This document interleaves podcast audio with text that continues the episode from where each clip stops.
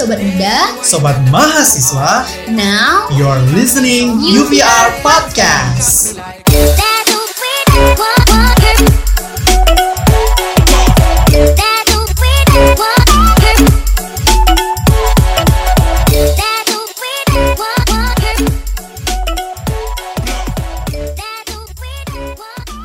Halo Sobat Muda, Sobat Mahasiswa, welcome to UVR Podcast Podcastnya mahasiswa Universitas Tanjung Pura, Pontianak.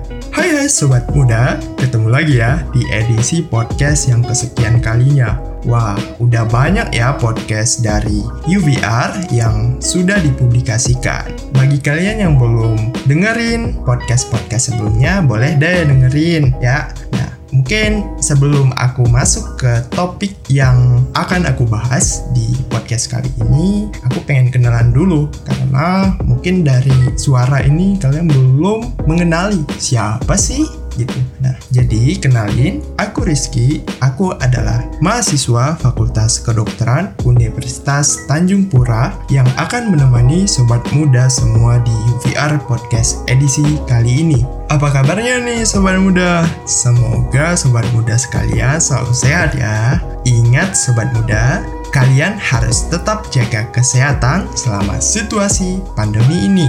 Karena sehat itu tidak mahal, asalkan kita niat dalam menjaga kesehatan kita. Jangan lupa untuk selalu ingat pesan ibu, menerapkan protokol kesehatan 3M, menggunakan masker, mencuci tangan, dan menjaga jarak. Nah, pas banget nih di edisi kali ini, aku bakalan bahas seputar dunia kesehatan. Nah, tapi tenang, uh, untuk materinya, untuk topiknya sendiri ini uh, sangat umum dan juga sangat-sangat uh, bisa kalian cerna dengan baik, bukan uh, materi yang bener-bener uh, pure kedokteran ya teman-teman. Jadi tetap stay tune, tetap dengerin podcast ini. Nah, mau tahu kita bahas apa?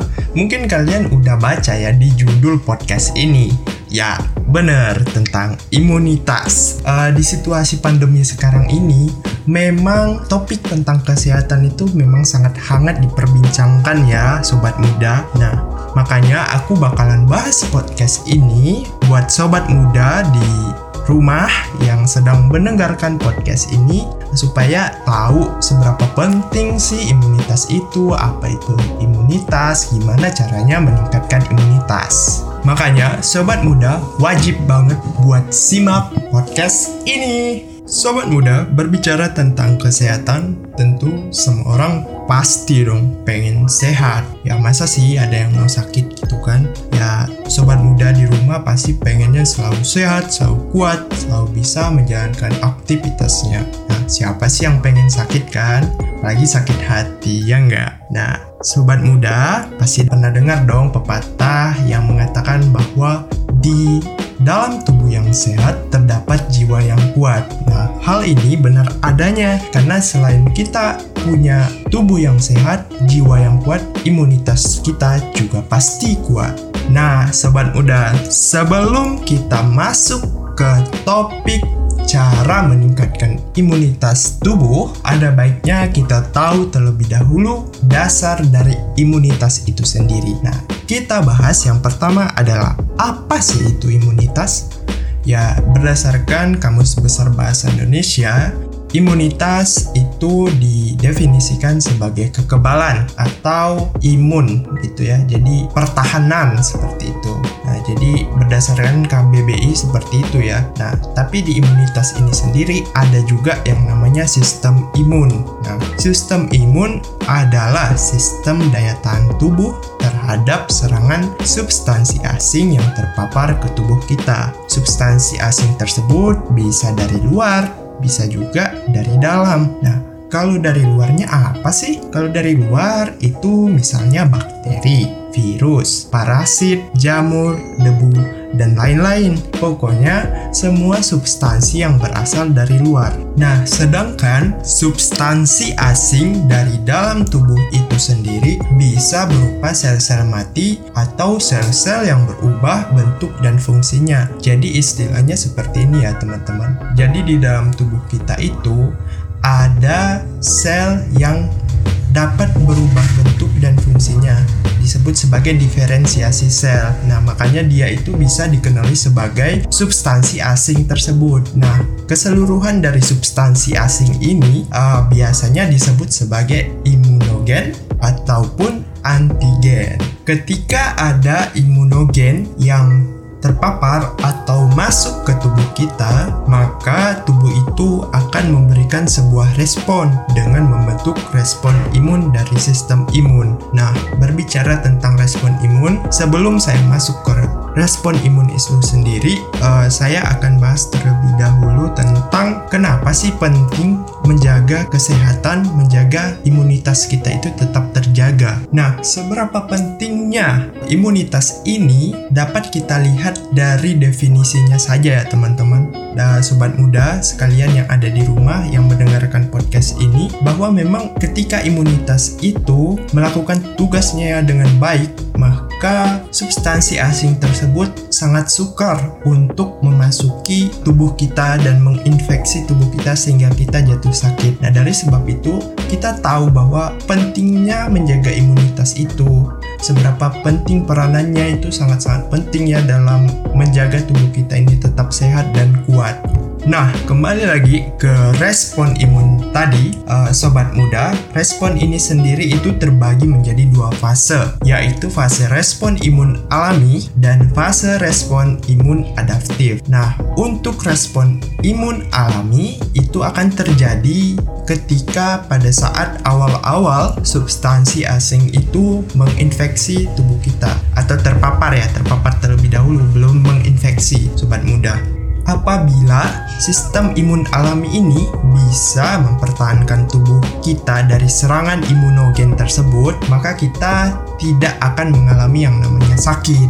Jadi uh, substansi asing tersebut ya berhenti sampai di situ, tidak sampai masuk ke fase berikutnya. Ketika terjadi sebaliknya, sistem imun alami ini tidak bisa mempertahankan serangan imunogen, maka kita akan jatuh sakit. Itu namanya fase infeksi. Nah, di situasi ini, sobat muda, sistem imun tidak akan berhenti atau tidak akan menyerah di situ saja.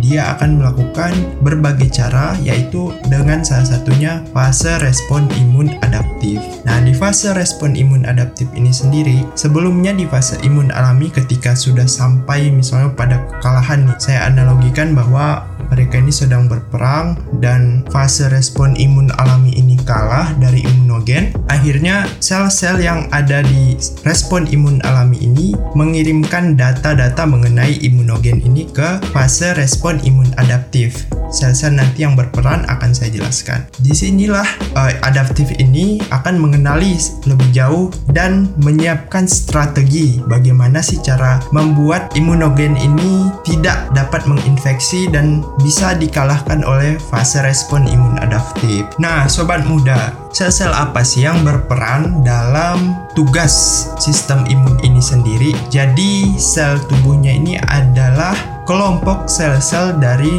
darah putih atau dalam bahasa ilmiahnya adalah leukosit. Dalam menjalankan tugasnya, sel-sel leukosit ini dibagi lagi jadi dua kelompok. Kelompok pertama itu berperan dalam sistem imun alami antara lain sel makrofag, neutrofil, eosinofil, dan sel dendritik. Nah, Keseluruhan ini dari sel-sel yang tadi saya sebutkan itu disebut sebagai antigen presenting cells. Nah, sel-sel APC ini merupakan sel yang akan bertugas mengenali dan mengolah imunogen dan nanti akan diserahkan ke sel-sel yang berperan dalam respon imun adaptif. Makanya sebelumnya saya katakan bahwa ada sel yang akan mengirimkan eh, data-data uh, dari imunogen ini untuk dikirim ke fase respon imun adaptif. Seperti itu, sobat muda. Mengerti kan, sobat muda? uh, sedikit agak susah saya jelaskan ya, sobat muda, tapi semoga kalian bisa dapat poin dari penjelasan saya. Nah, kita lanjutkan ya sobat muda ke sel-sel yang berperan ke sistem imun alami sendiri. Masih ada satu sel lagi yaitu sel NK atau natural killer. Dia ini perannya dalam respon imun alami. Kemudian ada kelompok sel kedua yaitu merupakan sel-sel yang berperan dalam respon imun adaptif yaitu sel limfosit B, dan sel limfosit T. Uh, sel limfosit B ini menghasilkan antibodi sedangkan sel limfosit T itu berperan menghasilkan sitokin. Sitokin ini akan mengaktifkan sel-sel yang berperan dalam sistem imun untuk lebih aktif dalam mempertahankan tubuh terhadap serangan imunogen yang sifatnya infektif tinggi seperti bakteri gram negatif, bakteri gram positif, dan virus. Wah, sobat muda, aku ada sebutin virus ya. Nah, karena di saat tengah-tengah pandemi ini kita selalu dihadapkan dengan berita tentang virus corona ya otomatis kita berpikir gimana sih respon imun terhadap infeksi virus? Ketika virus itu menginfeksi seseorang yang dalam hal ini disebut sebagai inang, artinya virus tersebut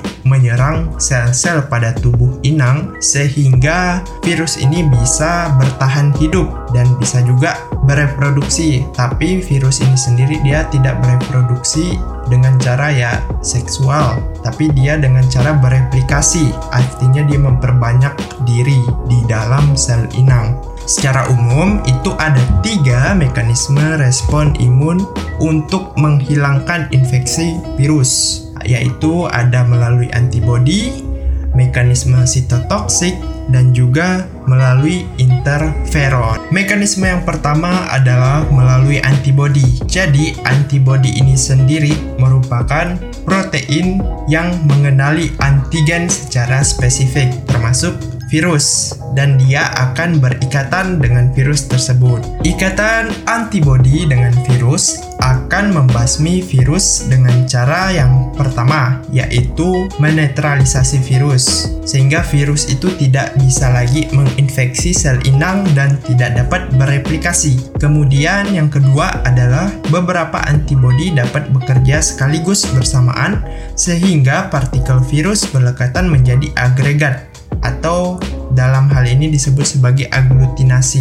Jadi dia di penggumpalannya dan menjadi target yang jauh lebih mudah dikenali oleh sel-sel dalam sistem imun. Dan yang ketiga adalah kompleks antibody virus akan berikatan pada reseptor permukaan sel sehingga mengaktifasi proses fagositosis atau dimakan ya uh, virusnya ini dimakan dicerna oleh fagosit seperti itu. Kemudian ada mekanisme sitotoksik. Jika virus sudah masuk menginfeksi ke dalam sel inang, sel sistem imun tidak dapat mendeteksi keberadaan virus tersebut, sobat muda, sehingga tubuh tidak tahu jika sel inang telah terinfeksi. Untuk mengatasinya, sistem imun memiliki suatu metode yang mampu memperlihatkan atau mendeteksi apa sih yang ada dalam suatu sel dengan menggunakan suatu molekul protein. Protein ini dinamakan MHC kelas 1. MHC itu adalah Major Histocompatibility Complex. Nah, MHC kelas 1 ini bertugas mempresentasikan potongan protein hasil produksi virus di dalam sel ke permukaan sel. Salah satu jenis sel limfosit T, yaitu sel T sitotoksik, itu mampu mengenali MHC pada sel yang telah terinfeksi virus. Proses interaksi sel T dengan MHC ini akan memicu sel T memproduksi senyawa yang akan membunuh sel yang terinfeksi virus tersebut. Kemudian ada yang ketiga, melalui interferon. Nah, selain uh, kedua mekanisme tadi atau antibodi dan mekanisme dari sitotoksik, sel inang yang terinfeksi virus tersebut akan memproduksi dan melepaskan molekul protein yang disebut interferon, di mana interferon ini akan menghambat replikasi virus di dalam sel inang. Selain itu, interferon juga berperan sebagai molekul sinyal yang akan memperingatkan sel-sel yang sehat di sekitar sel yang terinfeksi akan keberadaan virus. Sel-sel di sekitar sel yang terinfeksi ini akan bersiap-siap siaga dengan meningkatkan jumlah MHC kelas 1 pada permukaannya sehingga dapat diidentifikasi oleh sel T yang akan mentarget sel tersebut yang terinfeksi virus dengan cara yang mirip dengan sel T sitotoksik. Nah, tadi kita udah bahas tentang dasar-dasar imunitas, apa itu sistem imun, kemudian perannya apa, seberapa penting, seperti itu ya sobat muda. Nah, jadi kita nggak boleh mengabaikan kesehatan diri kita dengan cara menjaga imunitas ini sendiri. Nah, gimana sih caranya meningkatkan imunitas, menjaga imunitas kita itu agar selalu prima dan optimal dalam menjalankan tugasnya. Stay tune terus ya teman-teman. Nah, sobat muda, Gimana sih caranya kita meningkatkan imunitas tubuh di tengah pandemi ini? Apalagi kita cuman beraktivitas di rumah, otomatis kita benar-benar hanya berdiam diri di rumah, tidak bisa melakukan apa pun di luar, sobat muda sekalian. Nah, ada berbagai cara yang bisa kita lakukan untuk meningkatkan imunitas tubuh, termasuk menerapkan pola hidup sehat, menghindari stres, dan juga bisa kita konsumsi suplemen agar sistem imun tubuh kita tetap prima dan optimal. Oke sobat muda, kita masuk ke yang pertama, menerapkan pola hidup sehat. Mungkin kalau berbicara itu sangat mudah ya untuk menerapkan pola hidup sehat. Mungkin ya makan sayur buah banyak-banyak, kemudian olahraga banyak, hindari stres dan lain-lain. Uh, itu sangat mudah ya teman-teman kita untuk mengatakannya, tapi terkadang untuk menerapkan pola hidup sehat ini sendiri begitu susah ya. Terkadang memang kita perlu niat yang sangat kuat dalam diri kita, apalagi di tengah pandemi. Saya nggak henti-hentinya membahas tentang di tengah pandemi ini kesehatan itu adalah hal yang utama, modal yang paling besar harus kita miliki yaitu adalah imunitas. Nah, agar imunitas tubuh kita dapat bekerja dengan prima sehingga tubuh kita tidak mudah terserang imunogen tadi, penting untuk kita menerapkan pola hidup sehat. Nah, beberapa langkah yang bisa kita tempuh untuk menjaga maupun meningkatkan imunitas tubuh akan saya jelaskan sebagai berikut. Pertama, tadi saya ada mention adalah perbanyak makan sayur dan buah. Ini benar-benar penting ya teman-teman karena di dalam sayur dan buah itu sendiri kandungan makronutrien dan mikronutrien atau bisa saya sebut sebagai nutrisi di situ ya. Itu sangat kaya ya teman-teman. Tiap buah itu, tiap sayur itu punya kandungan uh, makro dan mikronutrien yang berbeda-beda. Otomatis ketika kita ingin menjaga imunitas tubuh kita tersebut, kita harus perbanyak makan sayur dan buah dan harus variatif teman-teman. Tapi tidak harus mahal-mahal juga. Kita kita harus melihat kemampuan finansial kita juga ya teman-teman. Apalagi kita mahasiswa ngekos. Jadi ya makannya kadang cuman ayam geprek geprek geprek tiap hari gitu kan. Nah makanya penting banget tetap kita harus beli buah variatif tiap hari nggak apa-apa gitu. Ya sekali-sekali lah ya gitu. Jangan keseringan juga nanti uang uang bulanannya habis di tengah bulan. Nah itu gimana tuh kan? Sobat muda. Nah sobat muda sayur dan buah ini sendiri itu punya kandungan vitamin dan mineral yang bisa membantu imunitas dan organ tubuh dapat berfungsi dengan semestinya. Nah, selain itu, buah dan sayur yang berwarna cerah menandakan tingginya kandungan antioksidan di dalamnya, di mana antioksidan berperan dalam melawan radikal bebas yang dapat merusak sel imun tubuh. Selain itu, Konsumsi rempah-rempah seperti cengkeh, jahe, dan jinten juga dapat membantu tubuh melawan infeksi karena sifat antivirus dan antimikroba yang terkandung di dalamnya. Jadi, pastikan selalu ada sayur, buah, dan rempah-rempah di menu harian kamu. Oke sobat muda, kita lanjut ke menerapkan pola hidup yang sehat. Tips yang kedua, yang kedua yaitu cukupi istirahat. Nah, sobat muda, di situasi yang sekarang ini, apalagi kita sedang kuliah ya teman-teman, terkadang kita itu suka sekali begadang ya, kurang tidur dan akhirnya kita tuh kayak tidak bersemangat di pagi hari. Kita merasa lemas dan lain sebagainya. Faktanya nih sobat muda kurang tidur itu dapat menurunkan imunitas tubuh. Sangat penting bagi kita sebagai manusia itu mencukupi kebutuhan tidur sesuai dengan usia. Umumnya untuk orang dewasa seperti kita ini umur-umur 20-an ke atas itu membutuhkan waktu tidur sekitar 7 jam. Sedangkan untuk remaja dan anak-anak itu butuh waktu tidur sekitar 9 sampai 10 jam. Selanjutnya nih sobat muda yaitu hindari stres. Nah, stres yang tidak terkendali bisa meningkatkan produksi hormon kortisol dalam jangka panjang, peningkatan hormon kortisol dapat mengakibatkan fungsi kekebalan tubuh. Nah, loh, kita itu sebagai manusia harus pandai dalam mengelola stres dengan baik untuk menghindari penurunan fungsi kekebalan atau imun tubuh.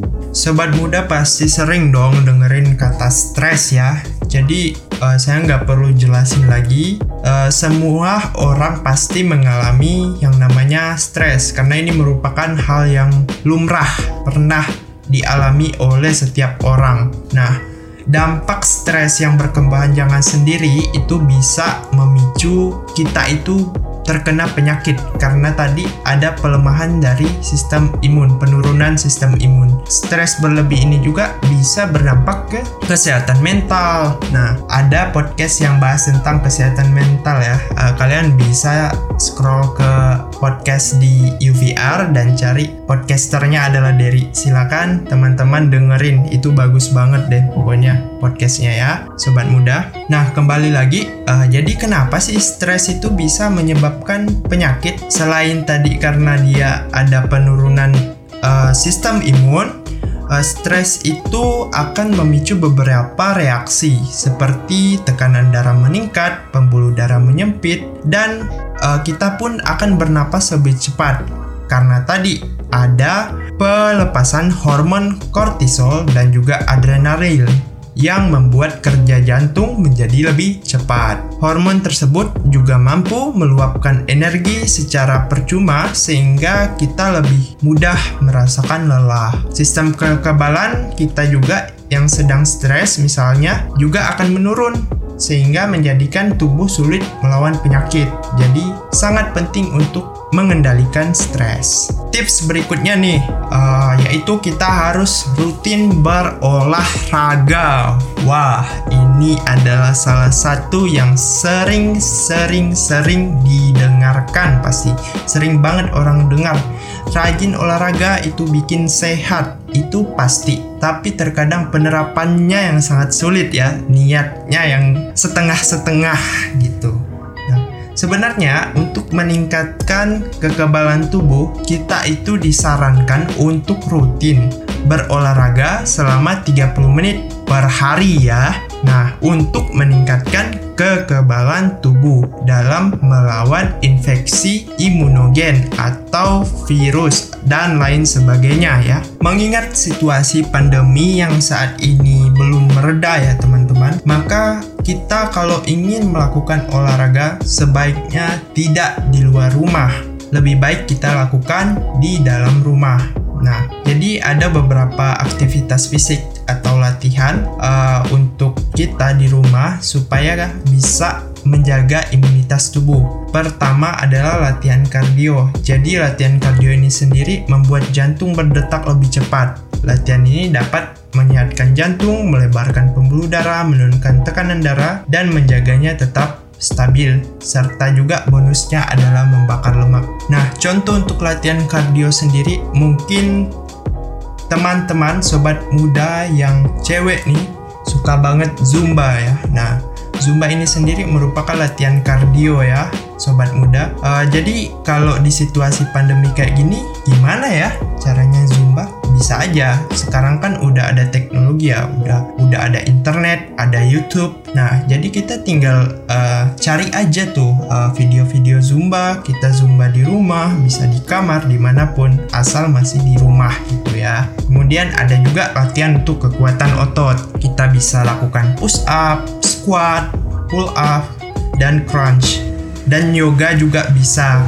Sekarang ini yang saya tahu ya teman-teman, sobat muda, ada yoga class itu online. Jadi uh, semua pesertanya itu adalah dari berbagai uh, daerah seperti itu. Jadi ada instrukturnya, kemudian ada yang peserta ikut yoga menggunakan Zoom ya teman-teman. Sobat muda itu sangat-sangat membantu sekali di tengah pandemi ini. Tips terakhir nih, yaitu dengan konsumsi suplemen untuk meningkatkan imunitas tubuh.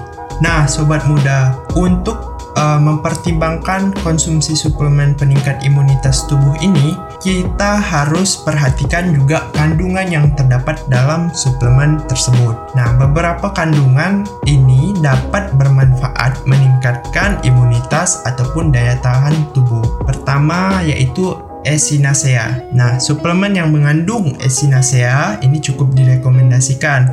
Selain mampu meningkatkan sistem kekebalan tubuh, Echinacea dipercaya bermanfaat sebagai antivirus, anti radang, dan antioksidan. Kemudian ada Morinda citrifolia atau buah mengkudu. Nah, buah mengkudu mengandung berbagai macam zat yang dibutuhkan tubuh, misalnya kalium, yang terkandung pada mengkudu mampu meningkatkan stamina dan kekebalan tubuh serta memperbaiki kerusakan sel. Namun uh, untuk mengkudu ini sendiri tidak disarankan untuk orang-orang yang punya riwayat penyakit ginjal, jantung atau penyakit liver. Jadi harus konsultasi ya ke dokter, teman-teman, sobat muda. Kemudian ada filantus atau daun meniran. Nah, daun meniran ini dianggap mengandung berbagai macam senyawa yang bermanfaat untuk kesehatan. Misalnya kandungan antioksidan yang terdapat dalam daun meniran berfungsi melawan radikal bebas dan memperkuat sistem imun tubuh. Kemudian harus mengandung vitamin B6, C, dan E. Suplemen yang mengandung vitamin B6, vitamin C, dan vitamin E cukup direkomendasikan. Ketiga vitamin ini dapat memberi manfaat bagi tubuh untuk meningkatkan sistem kekebalan tubuh lebih optimal. Seperti itu sobat muda. Nah, sobat muda, itu dia tadi bahasan podcast dari aku di edisi kali ini. Semoga memberikan dampak positif bagi sobat muda semua. Aku nggak berhenti buat kasih tahu ke kalian kalau imunitas itu penting untuk menjadi tameng bagi tubuh kita agar tetap sehat. So, jaga kesehatan kalian terus ya sobat muda. Makasih banget buat kalian yang selalu bersama mendengarkan aku di UVR Podcast. Jangan lupa untuk ikutin terus UVR Podcast di Spotify dan Anchor dan follow juga official account sosial media kita di Instagram at lpmuntan dan at untanvoiceradio.caster.fm. Sobat muda bisa banget nih kalau mau request topik podcast, mau ikutan podcast atau berikan masukan sobat muda semua ke official account Instagram kita. So, see you in the next podcast Sobat Muda UBR Podcast. Podcastnya mahasiswa Universitas Tanjung Pura Pontianak.